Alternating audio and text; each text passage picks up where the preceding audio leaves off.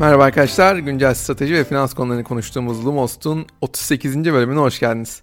Her hafta Cuma akşamı yayınlanan Lumos'un tüm bölümlerine dinleyebileceğiniz tüm platformlara lumos.net üzerinden ulaşabilirsiniz.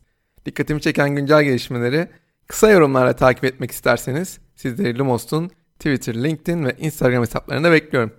Lumos'a destek olmak isterseniz birinci yöntem Patreon. Patreon dışında Eki Sözlük ve Apple Podcast üzerinde yorum bırakabilir sosyal medya hesaplarınızda Lumos'u paylaşabilirsiniz. Sizlere desteğiniz için şimdiden çok teşekkür ediyorum. Bugün Lumos için çok özel bir bölüm. NBA'in 2020-2021 sezonu 22 Aralık'ta başlıyor. Bu fırsattan istifade ederek Türkiye'nin en önemli NBA yorumcusu Kaan Kural ile NBA ekonomisini ve takımların stratejilerini konuştuk beraber.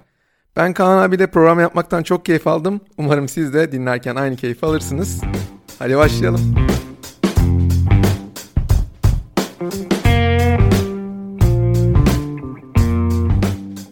NBA'nin 2019 yılında e, Fast Company tarafından dünyanın en inovatif 3. şirketi seçilmesi e, ligi yakından takip etmeyenler için biraz şaşırtıcı gelebilir.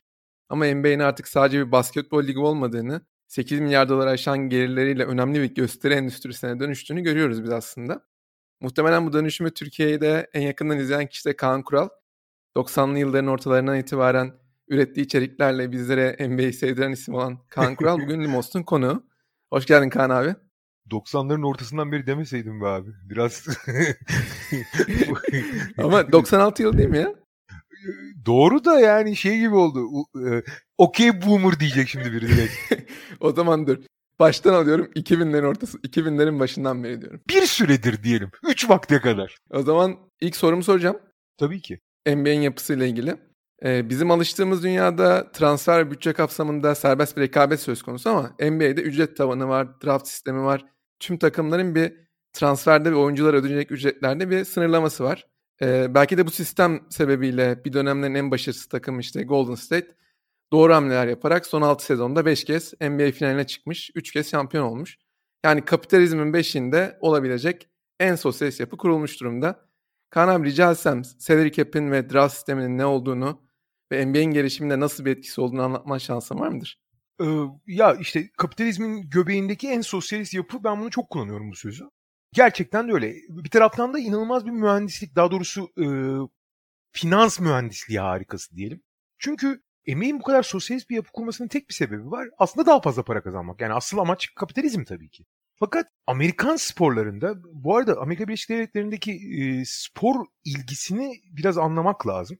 Amerika dünyanın geri kalanından daha fazla spora ilgi gösterip spor ekonomisini canlı tutan bir yer. O yüzden zaten işte 8 milyar dolarlara falan çıkıyor bütçe. Ve e, fakat yıllar içindeki tecrübelerinden şunu görmüş Amerikalılar. En yüksek parayı e, bizim Avrupa'da bildiğimiz e, sporda işte 3-4 tane dominant, 2-3 tane dominant takımın ana rekabeti üzerinden onlara bir çeşit e, ne derler gönül bağlılığı kurmak kuran e, camiaları hareketlendirmek yerine tamamen bir eğlence sektörünün bir parçası olarak bakıp e, işte şehir şehir yani şehirlerde konumlandırarak o şehrin e, ana eğlence unsurlarından biri haline getiriyorlar. Ve bu fakat şimdi e, doğal olarak daha büyük şehirler var, daha küçük şehirler var ne olursa olsun, daha büyük ekonomiler var, daha küçük ekonomiler var ama ne olursa olsun e, asıl büyük kazancın, asıl büyük ilginin e, ve uzun vadeli ilginin e, bu rekabetin bir iki takım arasında değil e, tüm lige yayılmış olmasından çıktığını görmüşler ve e, ligdeki e, competitive balance dedikleri onların rekabetçi dengeyi korumak bir numaralı amaç olmuş. Yani e, sen Golden State örneğini verdin. E, buna Cleveland'da katalım. Cleveland'da Golden State 4 sene üst üste final oynadılar 2015 ile 2019 arasında. En yakın zamandaki rekabetten bahsediyorum. 4 sene bütün diğer takımların önündeydiler yani. Biri doğuda biri batıda. E, ondan önceki 20 yıl boyunca Golden State ile Cleveland ligin en kötü 2-3 takımından biriydi. Yani şimdi bu, bu acayip bir değişim. Ya da işte atıyorum 90'ların efsane takımı Chicago 2010'lara gelene kadar, Derrick Rose'lara gelene kadar süründü mesela. Veya şimdi ondan sonra iki, Derrick Rose'larla NBA birincisi olduktan sonra şimdi tekrar sürünüyor. Yani bunun onlarca örneğini sayabilirsin. Veya bu sezon Lake, şampiyon olan Lakers geçtiğimiz 6 yıl playoff'a giremedi mesela. Bunu sağlamak için de çok temel bir yöntem, çok temel ikili bir yöntem kullanıyorlar. Birincisi bütün takımların oyunculara verebilecekleri toplam ücretler belli. Yani işte salary cap dedikleri, ücret tavanı dedikleri. Bunun bir takım istisnaları var. Tavanın üzerine biraz çıkabiliyorsun ama o istisnalar başka yaptırımlar, başka eksiklikler getiriyor, başka sınırlamalar getiriyor. O yüzden atıyorum bir Real Madrid gibi, bir Bayern Münih gibi, bir Galatasaray gibi istediğin oyuncuyu transfer et işte diğerlerinden çok daha yüksek kaynaklarla işe başla gibi bir durum yok. Herkesin kaynağı aynı. Daha doğrusu herkesin kullanabildiği kaynak yani parasal mali kaynak herkes için eşit hemen hemen eşit. Yani ufak dediğim gibi ufak tefek istisnalar olsa da bu istisnalar bir şey e, öyle e, dengeyi bozacak istisnalar değil. Yani elindeki oyuncu işte atıyorum senin bir oyuncun var çok değerli. Salary cap'in üzerindesin onu tutmak için sadece kullanabiliyorsun bunu. Tuttuğun zaman da başka büyük cezalar geliyor. Acayip lüks vergileri vesaire vesaire. O yüzden hani herkesin hemen hemen diyeyim hani yüzde yüz olmasa da hemen hemen aynı parayı harcadığını harcam, harcayabildiğini söylemek lazım. Bir. İkincisi e, takımlar evet transfer daha doğrusu serbest kalan kontrat biten oyuncularla sözleşme yapabiliyorlar. Ama öyle transfer transfer gibi diye bir şey yok. Çünkü zaten oyunculara verebileceğin para belli olduğu için bunun dışında bir para harcamana da imkan yok. Yani sen mesela atıyorum gidip e, LeBron Cleveland'da oynarken Cleveland'da 100 milyon dolar teklif edip onu transfer edemiyorsun. Yok öyle bir dünya. Yani öyle bir para harcamana izin vermiyor. Zaten sistem izin vermiyor. Onun dışında lige katılacak yeni oyuncuların da yeni yeteneklerinde bir draft sisteminden girmesi sözleşmesi var. Bütün bunlar tabii ki toplu iş sözleşmesiyle oyuncular ve yani çalışanlar ve e, işverenler arasındaki bir iş toplu iş sözleşmesiyle belirleniyor. Ve yeni yetenekler NBA'ye girerken draft'a giriyorlar. İsimlerini yazdırıyorlar ve bir önceki sene en başarısız olan takımlar sırayla oyuncuları seçmeye başlıyor. Böylece çok genç işte müthiş bir yetenek. Ne bileyim mesela Mbappe gibi biri lige girdiği zaman işte gidip Real Madrid'e yüksek parayla almıyor. Ligin en başarısız takımı onu alıyor. Böylece hem kadroları belli bir sınırın altında tuttuğun, herkes aynı miktarda para harcayabildiği için hem de yeni gelen yetenekler başarısız takımlara gittiği için yüzde yüz olmasa da e, takımların sürekli yer değiştirdiğini görüyoruz. Yani zirvedeki takımlar bir süre zirvede kalır ama zirvede kalmanın bedeli var. İşte oyuncuların değeri artıyor doğal olarak. Başarılı oyuncular. O oyuncuların kontratları yüklendiği için e, elinde tutman zorlaşıyor. Salary cap'in altında onlarla imza atamıyorsun. Çok maliyetler çok yükselmeye başlıyor. Mesela en basit örneği Golden State'in bu sezon cap'in üzerine çıkmak zorunda kaldığı için elindeki oyuncuları tutmak zorunda kaldığı için vereceği lüks vergisi 100 milyon dolar. Ekstradan 100 milyon dolar lige ödemek zorunda kalacak. Ya çok acayip bir rakam.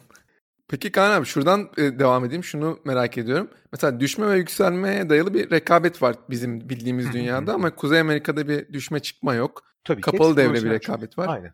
Lige kimlerin devam, devam edip kimin etmeyeceğine NBA yönetimi karar veriyor. Hı hı. Şimdi rekabet ve seyir zevki böyle bir durumdayken nasıl bu kadar yüksek olabiliyor NBA'de? Nasıl bu kadar yüksek oluyor abi? Her şeyden önce olayı özellikle e, se- sezon genelinde galibiyet mağlubiyetten çok çıkarmış durumda NBA. Bizde mesela işte her şey biraz rekabeti kazanmak kaybetmek üzerine kurgularlar. Orada şimdi rekabet yani sporda rekabet olmadan hiçbir şey olmaz zaten. Fakat rekabetin içindeki bir sürü yan faktörü işte ne bileyim seyirci deneyimini, e, molalardaki eğlenceleri, işte e, şeyin konforunu, salonun konforunu, formaların rengini işte ve her bir takımın bir hikayesi var. Yani ligde çok başarısız bile olsan işte o sene drafttan doğal olarak başarısız takım drafttan iyi bir oyuncu seçtiği için o drafttan gelecek, gelecek, gelecek oyuncunun gelişimini seyrediyorsun. Diğer dönemler için e, projeksiyon yapıyorsun. İşte ya, e, başarılı ama yaşlanan bir kadro var. İşte son demlerini yaşıyor. Her takım için bir hikaye oluşturuyorlar. Her takım için bir izlencilik e, senaryo yaratıyorlar. Bu arada yeri gelmişken bu salary cap'ten bahsettik. E, salary cap inanılmaz bir finansal mühendislik harikası dedim. Şöyle e, salary cap nasıl belirleniyor? İnanılmaz abi yani bu kadar demo yani bu kadar hakikaten sosyalist yapı çok zor bulmuş. Salary cap şöyle belirleniyor abi. Bir yıl içinde NBA'in tüm gelirleri hesaplanıyor. Ki Amerika'da muhasebe biliyorsun çok e, sıkı çok sıkıdır. E, bu tüm NBA gelirlerinin, NBA'deki 30 takımın tüm gelirlerinin bir takım yerel şeylerin istisnaları var. Dediğim gibi bu istisnalar ama genel kuralı bozacak istisnalar değil. %2 civarında %2 hata payıyla hesaplandığı söyleniyor. Geçen sene en son pandemiden önce tabii 8.2 milyar dolara gelmişti bu. Ve bu abi çok basit bir şekilde ve hakikaten bir finansal mühendislik şey, harikasıyla şöyle hesaplanıyor. İkiye bölünüyor para önce. Yarısı çalışanlara, yarısı işverenlere. Yani yarısı oyunculara dağıtılıyor, yarısı şeye, takımlara. Bu arada hangi takımın işte gişe geliri daha fazla falan bunlar önemli değil. Bu ana hesap üzerinden yapılıyor bu iş. Ya mükemmel bir sistem. Aynen. Yarısı oyunculara dağıtılıyor. Ne işte atıyorum 4.1 milyar dolar. 30 takım var. Onu bölüyorsun abi. 4.1'i 30'a bölüyorsun. Yani işte 120 milyon dolar işte 100 kaç 113 müydü 100, öyle bir şey.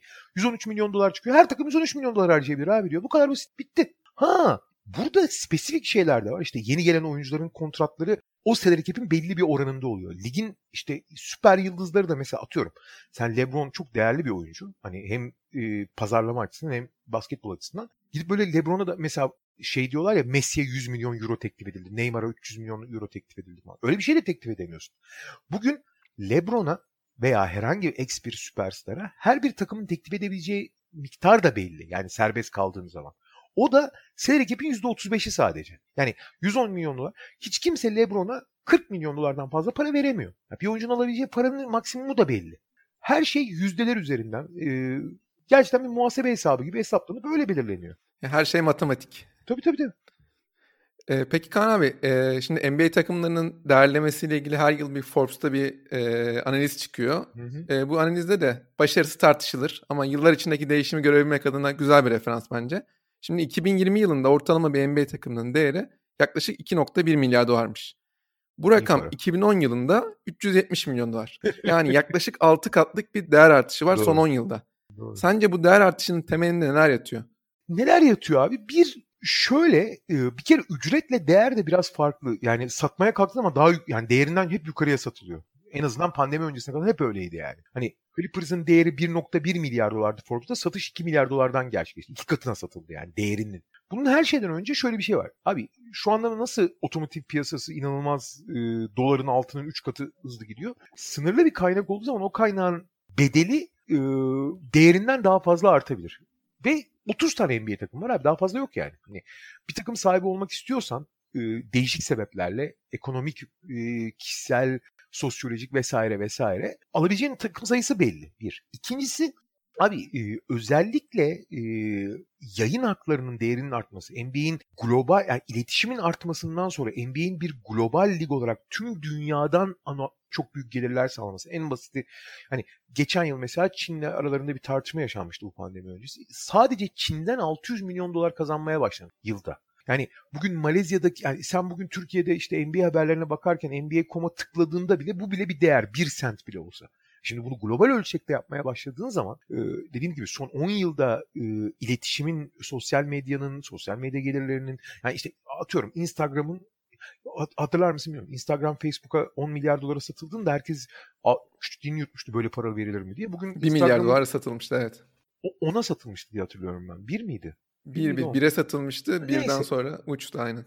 Yani şimdi hani o zamanlar muazzam para deniyordu. Şimdi abi ucuza kapatmış diyorsun. Yani böyle bir gelişim var. NBA takımları da buralardan inanılmaz büyük gelirler elde ettiler.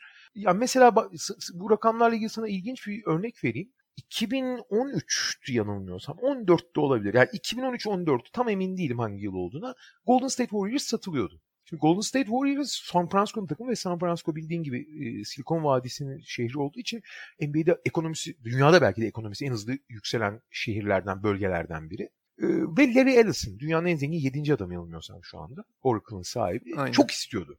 Çok istiyordu almayı.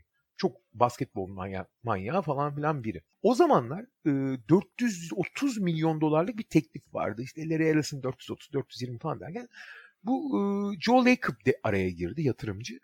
460 milyon dolar teklif edip iki günde işleri bitirirseniz 10 milyon dolar da üzerine bonus vereceğim. 470 milyon dolar aldı. Abi şu anda 3,5 milyar dolardan bahsediliyor Golden State için. Yani e, o zamanlar Larry Ellison gibi dünyanın en zengin adamlarından biri. Yani hakikaten tamam az bir para değil de onun için çok da e, Önemsiz mesele, olmayacak, mesele olmayacak bir parayı verirken düşünüyordu. Şimdi çıldırıyor yani kafasını duvarlara vuruyor. E, bu ekonomi global ekonominin büyümesi, bu global ekonominin e, özellikle iletişim sektöründeki gelişimlerle e, bunun global ekonominin gelişiminin e, NBA takımlarına çok daha fazla yansıması. NBA'in bir global marka, global eğlence haline dönüşmesiyle çok alakalı. Kaan ben e, şey tarafında e, bu derleme tarafında bir Steve Ballmer'ın çok ciddi etkisi olduğunu düşünüyorum bu 2014 yılındaki olayın. Hani e, o zaman Forbes'ta e, Clippers 575 milyon dolarmış değeri, görünen değeri. Steve Ballmer 2 milyar dolar verip e, Clippers'ı alıyor. Ondan sonra zaten bakıyorlar ki bir takım bu kadar değerliyse diğer takımlar da aynı şekilde değerli olmaya başlıyor gibi. Ya evet e, oluyor ama dediğim gibi e, fiyat ve be- değer arasındaki makasın çok açık olduğunu da söylemek lazım özellikle NBA takımları için. Yani işte pandemide gördük. Pandemiden sonra göreceğiz mesela. Şimdi Minnesota satılmaya çalışılıyor. Abi Minnesota hani 2 milyar dolarlardan falan olacak 1.3'e anca satılır falan denmeye başladı en son. Ee, aslında o işte Steve Ballmer'ın Los Angeles Clippers yani o zamanlar 575 milyon dolar mıydı emin değilim tam değerlemesinin. Hani onun iki katından fazlasını alması hakikaten bu makası çok açmıştı ve Ford bütün değerlemeleri tekrar yapmak zorunda kalmıştı. Aynen. Ee, ama e, bu makasın gereksiz açık olduğunu da söylemek lazım. Yani atıyorum 575 e, milyon milyon dolar belki e, iyi bir hesaplama değildi ama 2 milyar dolar da iyi bir hesaplama değil yani. O kadar da değil yani. Peki Kaan abi şey tarafını nasıl görüyorsun? Şimdi Larry Ellison'ın ilgisinden bahsettim. Bu teknoloji dünyasının genelinde bir ilgi var NBA'ye karşı. E zaten e, Ali Baba'nın yatırım sayısındaki Lumos dinleyicileri çok iyi bilir. Joe çok acayip beden Brooklyn Nets'i satın almıştı. İşte Steve Ballmer'ın Clippers'ı var. E, Mark Cuban Dallas Mavericks. İşte Ryan Smith daha yakın zamanda Utah Jazz aldı. Şimdi bu iki farklı dünyanın bu kadar yakınsamasını neye bağlıyorsun? Abi biraz e, liberalliğe bağlıyorum. Yani sonuçta mesela Amerika'daki en popüler spor Amerikan futbolu ama Amerikan futbolu tam şey. Yani petrol milyarder milyarderlerinin falan ya da işte banka e, sahiplerinin falan yani klasik beyaz Amerikalı e, bir spor. Şey ise e, NBA ise bir global marka. Yani Amerikan futbolu falan hiç global değil. NBA bir global marka.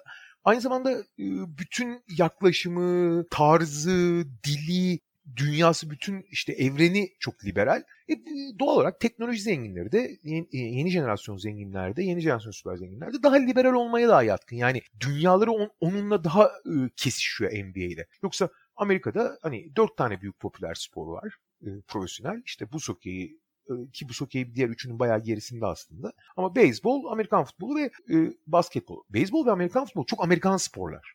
Aynen. Onlar doğal olarak işte atıyorum Amerika'nın tabii ki normal zenginler işte kimya zenginleri, petrol zenginleri, işte bankacılık, medya bilmem ne falan. Onlar tabii onlara yatırım yapıyor. İşte Kraft mesela onlar genelde grup oluyorlar biliyorsun. Evet. Spor hani 4-5 takımın sahibi oluyor. Her ligden bir takım oluyor. İşte Kraft'lar işte e, gıda sektöründeki güçlü isimler, yok işte petrol sektöründeki güçlü isimler genelde Amerikan futbolu ve beyzbola yöneliyorlar. E, doğal olarak daha liberal olan NBA'in de e, şeyle e, e, aynı teknoloji çizgiye, dünyasıyla. E, teknoloji dünyası aynı çizgiye gelmesi e, biraz doğal. Biraz da yatırım gözüyle bakıyorlar. Sanki eski Tabii. kulüp sahipleri birazcık daha bunu keyif için yapıyorlardı ama şu an gerçekten para kazanmak için de yapılıyormuş gibi geliyor bana. Şöyle ya bir kere Amerikalı olduğun zaman istisnalar gene kaideyi bozmasa da abi para din orada yani hani ya kapitalizmle yaşıyorlar. O yüzden hani eskiler de bunu para yani parayı hiçbir zaman göz ardı etmek için göz ardı ederek yapmıyorlardı. Ha yeniler de yapmıyor. Oranları biraz daha farklı tabii. Ama e, spor takımları yani işte atıyorum 32 tane Amerikan futbol takımı var. işte o kadar beyzbol takımı var. Zaten bu biraz hani e, yatırım tarafı iyice azalmış durumda bu işin. Ha yatırım özellikle mesela sırf NBA değil bütün spor kulüpleri inanılmaz değerler kazandılar ve e, sahiplerine çok büyük paralar kazandırdılar ama gerçekten önemli bir çoğunluğu bunu e, para kazanmak için bir e, basamak olarak görmüyor yani. Mesela bir örnek vereyim sana. Mikhail Prokhorov belki de bu işten en büyük parayı kazanan adamlardan biri yatırım anlamında. Prokhorov Rus bir iş adamı Brooklyn Nets almıştı. Kaça aldı hatırlamıyorum da 200 yani, yani çok az bir paraya almıştı. 200 200 200 alıp 200 alıp 2 milyar dolara mı ne sattı? Öyle bir şey yani. Hani ona katladı parasını dolar bazında. Fakat Prokhorov hiçbir zaman yatırım olarak almamış ki. Prokhorov zaten basketbol manyağı bir adam. Adam CSK'nın sahibiydi abi işte Avrupa'da. Hani basketbol takımı sahibi olmak için aldı. Sonra işte biliyorsun hani onun işinde olan sıkıntılar nedeniyle satmaya karar verdi. Sahi araya girdi. Ona sattı. Hani çok da iyi para kazandı ama Prokorov'un da bunu bir iş yatırımı olarak başlamamıştı hiç yani. E, NFL ve MLB'nin gerisindeydik NBA. Peki NBA... MLB'nin çok gerisinde değil bu arada. MLB ile belli açılardan MLB'nin önünde belli açılardan geride. Kuzey Amerika Popülarite anlamında gerisinde diyebilir miyiz Amerika'da en azından? Şöyle e, tabii ki tarih boyunca çok gerisindeydi. Yani beyzbol çünkü Amerika'nın sporu abi 90, yani 100 yıllık geçmiş var. Ama son 20 yılda e, izlenme oranlarında falan geçti. Genel takipte de geçti Kuzey Amerika'da. Global olarak hiç söylememe gerek yok zaten. Geçti yani. Şu anda NBA MLB'nin önünde.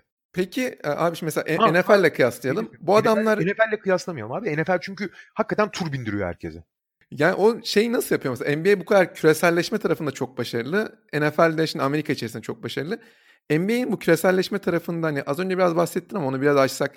Yani neyi farklı yapıyor NBA küreselleşmek için?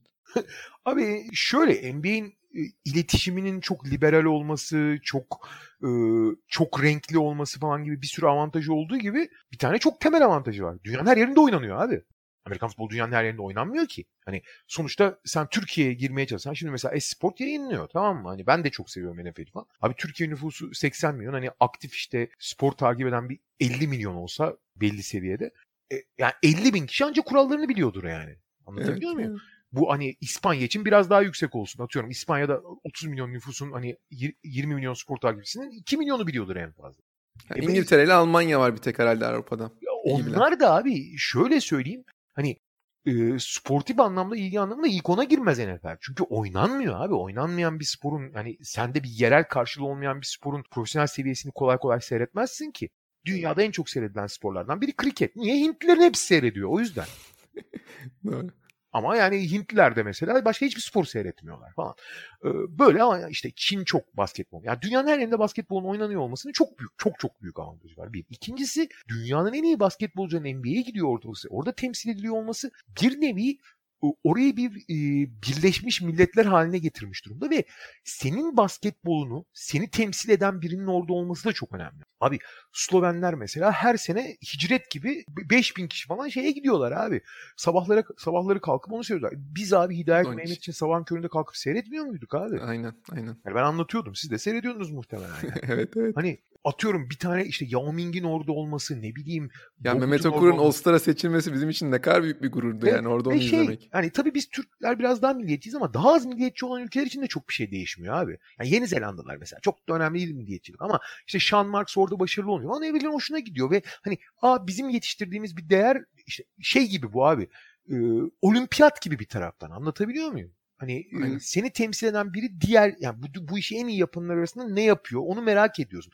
Desteklemen ayrı konu. Bir taraftan da abicim hani bizim yetiştirdiğimiz en iyi basketbolcu kim? Mehmet Hidayet. Ne yapabiliyorlar orada? Yani dünyanın en iyilerinin arasında ne yapıyorlar? Onu da merak ediyorsun. Desteklemek bir tarafa merak da ediyorsun yani. Kesinlikle. Hidayet'in Kobe'ye yaptığı blok hala hani bizim spor tarihimizde olmasa da bizim neslin hala beynindedir. Hani o Doğru. NBA acayip bir şeydi. 13-17 yaş arasındaki gençler %57'si e, bir anketten aldım bunu. NBA'yi favorilikleri olarak listeliyorlar. Bu orana bakıyorsun NFL için %13, MLB için %4. Hani bu kadar gencin favorisi aslında ama NBA maçlarının canlı olarak izlenme oranları da giderek düşüyor. Şimdi bu te- burada bir tezat var. Temel sebebi nedir sence? Abi onunla ilgili çok büyük, tabii çok kapsamlı, çok ciddi araştırmalar yapıyor sosyologlar falan. Benden çok daha yetkin insanlar bir sürü teori geliştiriyor. Fakat abi şöyle bir şey var. benim en hani yakın bulduğum, en doğru bulduğum ve şu ana kadar en geçerli açıklamalar mı dersin, teori mi dersin, sosyolojik çıkarım mı dersin, ne dersen de. İlginç bir şekilde abi iletişimin bu kadar güçlenmesi ve büyümesi biraz çok farklı bir yeni bir kültür yarattı. Abi NBA'yi şu anda özellikle belli bir yaşın altındaki insanlar yani 20 yaş altındaki insanlar Türkiye için de geçerli bu arada bu. Gerçekten yani hani sırf Amerika için. Twitter'dan izliyor. Evet abi. Twitter'dan değil daha doğrusu bütün kanallardan izliyor tele maçın kendisi hariç. evet. Abi şu anda ya gerçekten çok ben Türkiye'de de gözlemliyorum. Amerika'da da çok var bu. Eskisinden çok daha fazla lige, ligin geneline, e, detaylarına hakim, ona ciddi zaman ayırıp ilgi gösterip tüketip yazıları, podcastleri, e, analizleri, şunları bunları tüketen çok ciddi bir kitle var. Fakat maçları izlemiyorlar abi. Maçları izlemeden yapıyorlar bunu. Çok acayip Başka şey. türlü bir şekilde iletişim var. Maçın kendisini izlemeden yapıyorlar yani. Ya hikayeyi mesela, seviyorlar galiba. Hikayeyi seviyorlar ve aslında abi her şeyi çok hızlı ve süratli yaşandığı için abi maçı iki buçuk saat seyretmek çok zor geliyor. İki buçuk saatin sonunda işte üç tane highlight işte yedi dakika süren bir highlight en iyi pozisyonları izleyip sonra onunla ilgili üç tane tweet yorumu okuyup bir tane de yazı okuduğu zaman o maçla ilgili çok tatmin oluyor zaten. O maçı o maçı damıtılmış bir şekilde almış hissediyor kendisini. Ve açıkçası evet. kendisinin oturup analiz edeceği, yorumlayacağı, ondan alacağı, onun keyfi çok başka bir maçı izlemenin. Yani ben onu hiçbir zaman onun yerine bir şey konamayacağını düşünüyorum şahsen. Ama o başka tür keyiflerden besleniyor. Maçın kendi yarattığı dinamik keyiflerden değil. Çok daha damıtılmış, çok daha e, biraz farklı şey. Bu şey gibi. ben onu şey diyorum bu bilim kurgu filmlerinde genelde e, bir, bir takım jeller yerler ya hep. Evet. Hani e, tamamen işte amino asitleri, proteinleri falan acayip dengelidir. Hani belli bir lezzeti de vardır ama gerçek yemek gibi değildir hiçbir zaman. Biraz öyle bir e, tüketim var ya şu anda. Kaan şey tarafını nasıl görüyorsun? Şimdi e, takımlar e, gelirlerini arttırmak istiyorlar. Televizyon gelirleri de çok ciddi bir e, pay sahibi bunda. E, otomatik olarak reklamların artması lazım. Sürelerin uzaması lazım. Şimdi süreler uzadıkça izlenme bir maçı canlı takip etme oranı düşüyor. Gençleri kaybediyorsun burada. yani burada mesela maç sayısını arttırmak e, bir anda ilgiyi düşürüyor. Yani NBA'in bir şekilde o dengeyi sağlamak için bazı optimizasyonlar yapması gerekiyor mu sence? Kesin gerekiyor. Ama optimizasyonlar zaman içinde yapılıyor abi. Şimdi dünyada işte şeye bakıyorsun abi tamam mı? Hani reklam gelirlerine. Abi 2000'lerden itibaren geleneksel medya işte radyo, televizyon, gazete, dergi reklamlarının ne kadarının işte sos şeye dijitale kaydığını görüyorsun. Fakat bu dönüşüm o kadar hızlı oluyor ki bunun kuralları, şeyleri çok oluşturmak çok kolay değil. Hala televizyon tabii ki lider. Ama işte e, dijital reklamların kullanımıyla falan bu yavaş yavaş yerini yani bu ekonominin daha doğrusu NBA'in yarattığı bu ekonominin parasal karşılığının o mekanizmaların başka şekillerde oluşması biraz zaman alacak. Yani yıllar yılı oturmuş abi işte atıyorum 50'lerden 2000'lere kadar yani 50 yıllık bir süreçte ekonominin büyüdüğü, dünya çapında büyüdüğü, 2. Dünya Savaşı'ndan e, milenyuma kadarki süreçte işte reklam sistemleri, işte izlenme oranları, bunların karşılıkları falan biliniyordu. Bütün reklamcılık teorileri belliydi. Anladın mı? Reklam, eğer reklamdan konuşuyoruz. Ama şimdi sırf reklam değil ki. Binlerce şey var abi. Biraz evvel dediğim gibi. Senin NBA koma bir kere tıklaman bile bir sent değer yaratıyor. Anlatabiliyor muyum? Türkiye'den tıklaman.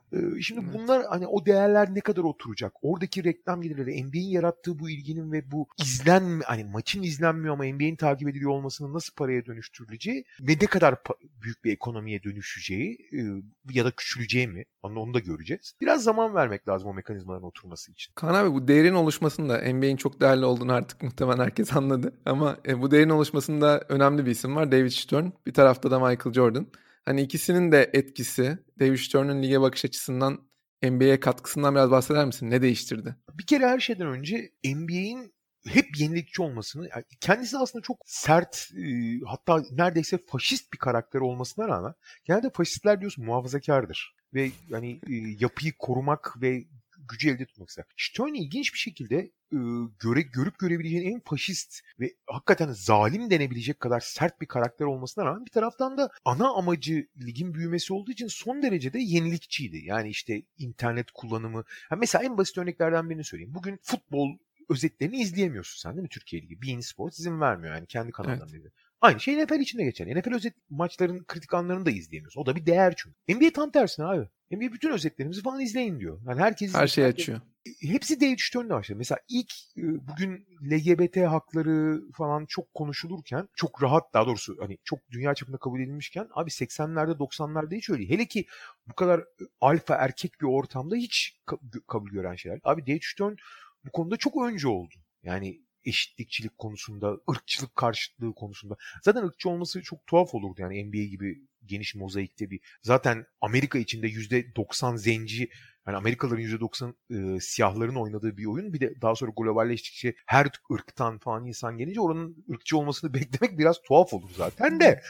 Ee, ama hiçbir zaman öyle olmadı. Ama mesela en basit örneklerinden birini söyleyeyim. Yıl 1992 Magic Johnson'ın AIDS olduğu, daha doğrusu HIV pozitif olduğu açıklandı. O yılları e, bu podcast dinleyenlerin çoğu hatırlamıyordur. E, AIDS ilk çıktığında dünyanın en büyük laneti en korkunç olayı olarak zaten çok az bilgi var şu anki koronavirüs gibi yani o kadar az bilgi var ki hani dokunarak mı temas ediyor işte zaten AIDS olan herkes otomatikman ölüyor kabul ediliyor ve özellikle bağnaz Hristiyanlar işte e, biliyorsun HIV kan yoluyla bulaştığı için özellikle e, homoseksüeller ve uyuşturucu kullananlar arasında çok daha hızlı yayılıyordu. Onlardaki kan transferi fazla olduğu için. İşte Tanrı'nın e, homoseksüel ve e, uyuşturucu e, müptelalarını cezalandırmak için yolladığı bir ceza olarak falan görülüyordu. Yani hakikaten bilinmezlik ve korku hakimdi AIDS etrafında. Abi Magic Johnson'ın lige dönmesini, ligde oynamasını e, tekrar sağlayan adamdı yani. Hani ve hakikaten yani HIV'nin dünya çapında daha bir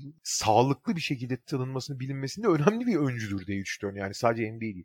Ama her alanda öyleydi işte. Ligin globalleşmesi diye Barcelona olimpiyatlarına e, profesyonellerin gidip e, dünya çapında bir ilgi yaratmasında falan hep öncü oldu. İşte Yao Ming'in öne çıkarılmasında, e, ligi globalleştiren, ligi liberalleştiren e, en önemli fark ögeydi. Kendisi her ne kadar faşistin Allah'ı olsa da. E, Pe- Peki abi şey tarafına bakınca mesela spora siyaset karıştırmak hani bu çok önemli bir tabudur ya. Hı hı. NBA bu tabunun tamamen yıkıldığı bir yer.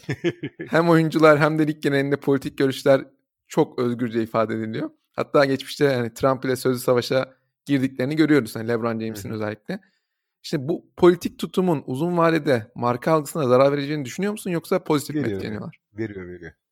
Abi şöyle şimdi kutuplaşmış bir alanda eğer ne yaparsan yap, nasıl bir hamle yaparsan yap, nötr bir hamle yapsan bile abi bunun reaksiyon görmeme ihtimali yok. Atıyorum mesela kutuplaşmış başka bir alan Android ile iOS tamam mı? iOS'çular iOS'a bayılıyorlar biliyorsun Apple'cılar. Yani bugün NBA çıkıp NBA'deki LeBron Samsung'la çalışıyor. Xiaomi de zamanında Apple'la çalışıyordu. Neyse diyelim ki işte LeBron'la yani şu anda LeBron'un rakibi yok da yani işte LeBron Androidci olsun. İşte Android çok daha iyidir desin. Hakikaten bu bir reaksiyon alır.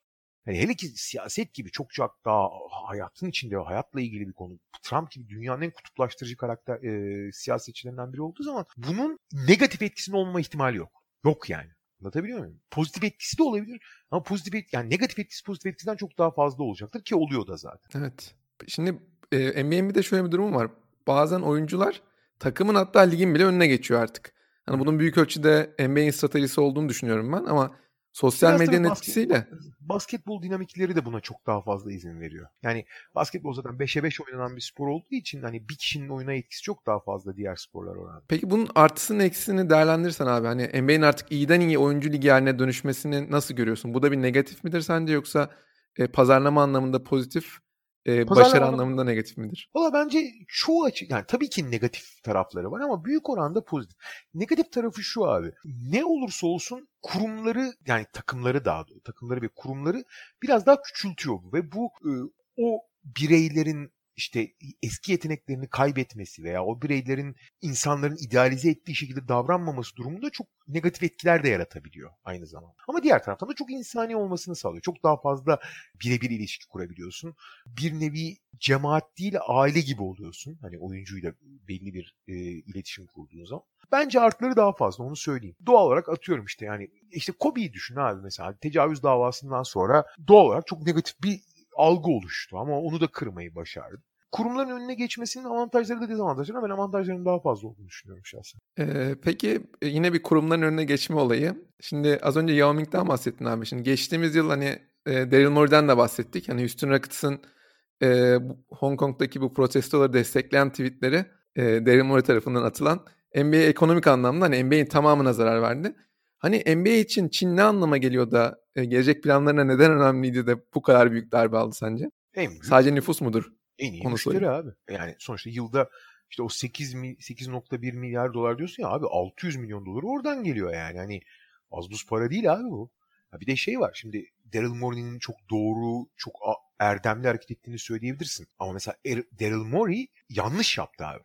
Bunu söylemek lazım yani. Hani yanlış yaptı derken e, hareketin kendisi değil. Hareketin yarattığı etkiler açısından onları düşünmesi gerekiyor abi. Çünkü ha, Daryl Morey'e bir şey olmaz abi. Daryl Morey'in hayvan gibi parası var. Zaten şimdi Philadelphia havada kaptı onu. Fakat abi bundan yani bu gelir kaybından etkilenen işte e, salonda çalışan insanlardan şeye kadar yani oyuncuların toplam gelirine herkese etkileyecek bir durum bu yani. Herkes, herkese zarar verdi. Ha belli idealler için parasal kayıpları göze alabilirsin. Bu konuda hiçbir sakınca yok. Yani en iyi müşterim bile olsa gelip mağazanın ortana, ortasına işerse istemezsin onu yani doğal olarak. Fakat e, bu dengeleri de gözetmek lazım ne olursa olsun. Çünkü sen kendin para kaybetmeyi ya da kendin zarar görmeyi kabul edebilirsin. Ama senin yaptığın şeyler yüzünden başka insanlar zarar görürse onun sorumluluğu çok farklı bir durum yani. Şimdi Memphis, Oklahoma gibi çok küçük yerleşimler bir NBA takımına ev sahipliği yapıyor. Ama şimdi Seattle'dır, San Diego gibidir. Böyle büyük yerleşimlerin NBA takımı yok. Hani hı hı. NBA gibi böyle gelirleri maksimize etmeye çalışan bir yapı böyle noktalarda daha zorlayıcı, daha böyle e, radikal kararlar alması beklenmez mi sence? Abi şöyle sonuç itibariyle büyük oranda işte senin verdiğin örnekler var işte Seattle. Seattle'da vardı zaten takım. Seattle o zamanki ekonomik koşullarla salonu yenilemeyi kabul etmediği için ayrıldı oradan. Yani Seattle'da vardı zaten. Hani bunun bir iki istisnası var işte. Senin dedim St. Louis var, Kansas City var. Hani birkaç işte NBA'nin en büyük 15 şehir için o. Fakat onlar da çok istinai durumlar abi. O kadar da yani bugün işte New Orleans, e, Memphis, Oklahoma City gibi yerlerden yani oralara kaymak bekleniyor. Zaten e, en önemli beklentiler Memphis'te, şey Memphis'te satılmak üzereydi zaten. Memphis ve New Orleans'ın Las Vegas ve Seattle'a gitmesiydi yani beklentiler. E, zaman içinde de olabilir. Yani atıyorum sonuçta Memphis'te ne olursa olsun ligin genel gelirleri çok yüksek olduğu için zarar etmiyor. Ama orta vadede onların da şey olmasını bekleyebilirsin. Yani Memphis ve işte New Orleans ben çok orta vadede bekliyorum. Yani Las Vegas ve Seattle'a gitmesini veya St. Louis, Kansas City gibi yerlere gitmesi mümkün olabilir. Anlamlı kararlar olur. Belki lig 32 takıma çıkar. İşte iki şehir daha eklenir. Şimdi 32 takıma çıkması sence e, maç sayısını, toplamdaki maç sayısını arttıracak. Belki Yok, takım başına düşen sayıları azaltırlar. Hani 72'ye düşürürler ya da 64'e düşürürler. Hani böyle bir durumdayken ama takım başına düşen gelir azalacak. Ee, böyle bir şey tercih ederler mi sence? Hani takım sayısını arttırıp maç sayısını denk aynı tutup takım başına maç sayısını azaltmak. Sence bir çözüm olabilir mi? Valla bir kere maç sayısını azaltmak zorundalar abi. Yani modern basketbolun bu kadar çok maçı kaldırmadığı, zaten insanlar izlemezken biraz fazlalık yarattığı, artı oyuncuların çok daha fazla yıprandığı için o maçların kalitesinin düştüğü falan çok çok net şeyler. Yani maç sayısının azaltılması kesin yani. yani kesinlikle gerek. O yüzden bence maç sayısı azalacak zaten. Yani işte 65 mi yani 70 mi işte bu sezon 72 oynatıyorlar. Gerçi biraz pandemiyle alakalı ama o azalacak. Tabii ki şöyle bir durum var abi. NBA'de hala maç günü geliri denen şey korkunç boyutta. Yani bir maça ev sahipliği yapılması 10 milyon dolarlardan falan bahsediyoruz. Az buz paralar değil bunlar yani. E, atıyorum her işte ligi mesela ideal senaryo şey 32 takıma çıksın herkes birbiriyle ikişerken oynasın 62 maçlık sezon olsun deniyor. Abi yani çok 10 mantıklı. tane iç, ya 10 tane iç saha maçını azaltmak demek abi 100 takım başına 100 milyon dolar 30 takımda 3 milyar dolar demek abi. Yani tam öyle değil de işte bir buçuk iki milyar dolara geliyor yani hani toplam. Ama öyle bir maçı daha fazla izlemeyi istersin. Daha fazla para harcamak istersin. Yani sadece sayıyla alakalı değilmiş gibi geliyor ya bana. Tabii ki değil. Tabii ki değil. Yani onları bir şekilde başka gelir yerlerinden dengeleyebilirsin. Ve kaçınılmaz bir şekilde oraya gidecekler. Yani işte bunun matematiğini abicim o maçlar azalsa bile oradan kaybettiğimiz geliri başka yerden kazanırızı anlatabilirsen ki an, tam anlıyorlardı. Bence o noktaya gelmişlerdi ama pandemi evet. yüzünden gelirler acayip pandemi. düşünce bu süreç 3 ila 10 yıl içinde maç sayısının kaydeder şekilde azalacağını bekliyordum. Zaten her, bütün konuşmalar o yöndeydi. Hani ilk planda herhalde 60 lira falan inmesi çok zor da yet, yani bir 10 maç azaltacak. 72 maça indireceklerdi zaten. Fakat pandemiden sonra gelirler anormal düşünce e, o süreç bayağı uzadı. E, belki hani TV yayın haklarının tekrar anlaşması olduğu zaman hani 2-3 yıl içerisinde belki öyle bir anlaşma yaparlar. O zaman daha kolay olur bazı şeyleri değiştirmek. Valla kısa vadede zor görüyorum onu. Yani önümüzdeki 5 yılda hiç konuşulmayacak bile bu konu bence. Şimdi pandemi etkisini bahsettin Kaan abi. Aslında en iyi yöneten belki de genel olarak dünyadaki lig olabilir. İlk çıktığı zamanlarda zaten maçların oynanmaması adına bir belirsizlik vardı. NBA çıktı, hiç vakit kaybetmeden ligleri erteledi. Daha sonra da Diğer bütün organizasyonlar NBA'yi takip etti. Sonrasında ise bence hani gerçekten büyük bir başarı. Hani birazcık da Adam Silver'ın hakkını vermek lazım David Stern sonrası. Çok iyi bir başarı göstererek Orlando'daki bubble dönemi. Şimdi diğer tüm organizasyonların ayrışarak NBA'in bu kadar başarılı yönetilmesi, e, bu kadar iyi bir organizasyon yapabilmesi sence nasıl mümkün oldu? Neyi farklı yaptı NBA? Şimdi Euroleague'i görüyoruz. Ona karşılaştırınca bambaşka şey çıkıyor ortaya. Birincisi NBA'in hani bu kadar pandeminin başında hemen karar almasının falan sebebi şey değildi. Yani hani NBA'in e, sağduyulu veya önce olması falan değil. Abi virüs dayattı bu işi onlara. O çarşamba günü 11 Mart mıydı 10 Mart mıydı hatırlamıyorum. O çarşamba günü sabah e, lig birliği işte takım sahipleri bir araya gelmiş ve devam edelim kararı almışlar. Çünkü abi ligi durdurmak demek korkunç bir gelir kaybı. Para kaybetmek herkesin en büyük kabusu olduğu bir şey olmaz ya devam edelim dediler. O akşam işte koronavirüs çıkınca zaten o zamanlar acayip korkuluyordu koronavirüsten hakikaten veba gibi korkuluyordu. Bir anda mecbur kaldılar onlar. Yani NBA mecbur kaldı ligi durdurmaya. NBA durdurunca da herkes peşinden geldi. Yani NBA durduruyorsa biz de durdururuz. Yani burada süreç öngörü, işte e, proaktif davranmakla falan alakası yok. Koronavirüs dayadı bu onlara. Ha sonrasında e, ligin bitirme sekansını işte o fanüsü, bubble'ı muazzam organize ettiler. Orada da en büyük şansları paraları var abi. 170 milyon dolar para harcanmış Orlando'daki bubble için. Yani orada gerçekten işte e, muazzam steril bir ortam yarattılar giriş çıkışları acayip denetleyerek abi 3 aylık bir yani 2,5 aylık organizasyonda bir tane Covid vakası çıkmadı. Tıkır tıkır basketbol oynadı. Ya muazzam bir başarı ya. Yani muazzam başarı böyle... ama abi, abi para var para. Yüz... Ama e, bunu sen, bunu harcama sen... iradesi de çok önemli Kaan abi. Hani evet, herkes tamam. harcayamazdı. Yani her abi, şeyde para harcama konusunda çekincesi olan bir yer değil. Zaten çok karlı bir kurum olduğu için çekincesi de yok. İşte 170 harcamayayım 110 harcayacağım, harcayacağım diyen bir yer de değil. Anlatabiliyor muyum? Ya işte şu da eksik olsun değil. Sen ver abi 170 milyon doları bana. Ben sana Euroligi de çıtır çıtır oynatırım. Merak etme yani. Kararları peki demokratik almaları konusunda ne diyorsun? Mesela e, normalde lig diyorduk ki 2021 içerisinde başlar. Ama şu an bakıyorsun hızlı bir şekilde Aralık'ta başlayacak. Böyle bir durumdayken oyunculara baskı yapmak e, belki hani baskıyı doğrudan yapmadılar ama parayı göstererek yaptılar. Bir şekilde kararı aldılar. Abi yani buna ne diyorsun? Orada şöyle hani demokratik demokratik diyorsun. Şu abi tabii ki herkesin görüşünün belli bir ağırlığı şeyi var. Ama nasıl pandemi sürecinin başında koronavirüs asıl karar verici olduysa NBA için daha doğrusu dünyadaki pek çok ıı, yapı için diyeyim bunu. Ana karar verici para abi. Oyuncular doğal olarak sezon yeni bitmişken tam organize olamamışken 22'sinde başlamak istemiyorlardı.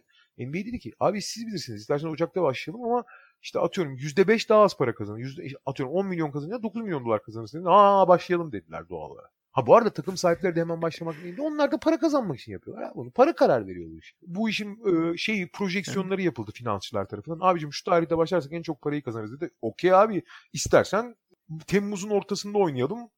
İşte nerede istiyorsan Malezya'da oynayalım. Sen yeter ki parayı göster diyorlar yani. Ee, peki son sorularıma geliyorum artık. Vallahi çok güzel bir sohbet oldu. Senin e, en beğendiğin yönetimsel anlamda kulüp hangisi? Bu anlamda hani muhtemelen San Antonio Spurs falan diyeceksin ama finansal açıdan da bakalım. Hani mesela e, New York Knicks en kötü yönetiliyor ama en değerli kulüp. Tamam ekonomisi falan New York'un ekonomisi ayrı ama Abi nasıl şey, mümkün oluyor bu? Madison Square Garden ha o iş. Yani Madison Square Garden Amerika finansının New York'ta olması. Bu kadar. Başka hiçbir sebebi yok yani. Hani e, oraya yöneti, yönetici olarak sen ben de gitsek şey de gitse atıyorum dünyanın en iyi işte yöneticileri de gitse ne bileyim Türkiye Futbol Ligi başkanlarından biri de gitse fark etmiyor. Abi James Dolan NBA'nin en kötü takım sahiplerinden biri. Isaiah Thomas yıllarca genel menajerlik yaptı. Ligin en kötü genel menajerlerine falan sahipler. Bir fark etmiyor ki abi.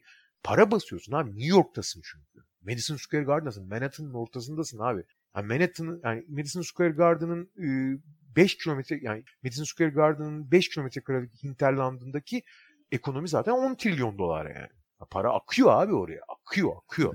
Takımın başarılı olması hiç alakası yok onunla yani. Ha pazarlama, pazarlamanın getirdiği başarı falan filan dediğin zaman orada şey çok iyi. Yani Golden State çok iyi işler yapıyordu ama o da gene başarıyla ve San Francisco'nun yükselişiyle de çok direkt bağlantılı ama bunu çok iyi kullandılar. Söylemek lazım. Ee, açıkçası şey finansal olarak he, zaten yani bütün bu yöntemler birbiriyle paylaşıyorlar. Birbirinden gizledikleri bir şey değil. Çünkü herkesin kendi yarattığı ekonomi birbiriyle bağlantılı olduğu için bu pazarlama yöntemlerini falan birbiriyle anormal paylaşıyorlar. Mesela en basit örneğini söyleyeyim. Bugün herkesin çok eğlendiği şey var ya sosyal medya hesapları, resmi sosyal medya hesaplarının esprili gençler gibi takılması olayı var ya. Abi o, o NBA'yi yere başlattı. Yani daha doğrusu NBA değil Amerikalılar başladı ama en çok NBA başlattı o işi yani. NBA ıı, sosyal medyadan ıı, o tip meme kültürüne en çok katkı veren yer oldu. Herkes peşinden geldi daha sonra. Belki de o yüzden gençler e, bu kadar çok yani, seviyor zaten. O pazarlama stratejileri için çok birbirinden ayırdığım yok ama şey çok başarılı mesela. Benim tabii Dallas çok başarılı mesela. Dallas çok başarılı gerçekten. Eğer işin ida, idari demeyeyim de pazarlama tarafına bakarsak Dallas derim. İdari tarafına bakarsak yani sportif idari tarafına bakarsak o San Antonio. O San Antonio. Peki şöyle bakalım hani mesela Golden State'in yeni talını yaptıktan sonra hani ciddi bir atılım yapması söz konusu olabilirdi ama yapamadılar şimdi. Bu kadar büyük bir para harcayıp e, geri dönüşü olmayan bir yola girmek de mümkün olabiliyor. Hani böyle büyük riskleri alıp patlayanlar da var. O açıdan sence NBA'in en büyük başarısızlıkları, başarısız takım yönetimi kim? Ha. Charlotte deme. ya tabii ki Charlotte'da Charlotte sonuçta yani Charlotte idari açıdan çok başarısız. Ama New York falan da çok başarısız idari açıdan. Pazarlama yani. açısından New Orleans çok başarısız be abi. Davis evet. oradayken de, Zion oradayken de yani hiç mi ilerleme göstermezsin be abi yani. Yani tamam orası New Orleans çok Saints'in ama şu, mesela şeyi de görüyorsun hep konuşuluyor zaten. Takımın sahibi aynı zamanda Saints'in de sahibi Amerikan futbolu. Her şey Saints üzerinden yapılıyor. Yani takımın şey mali işler sorumlusu bile Saints çalışanı aslında yani.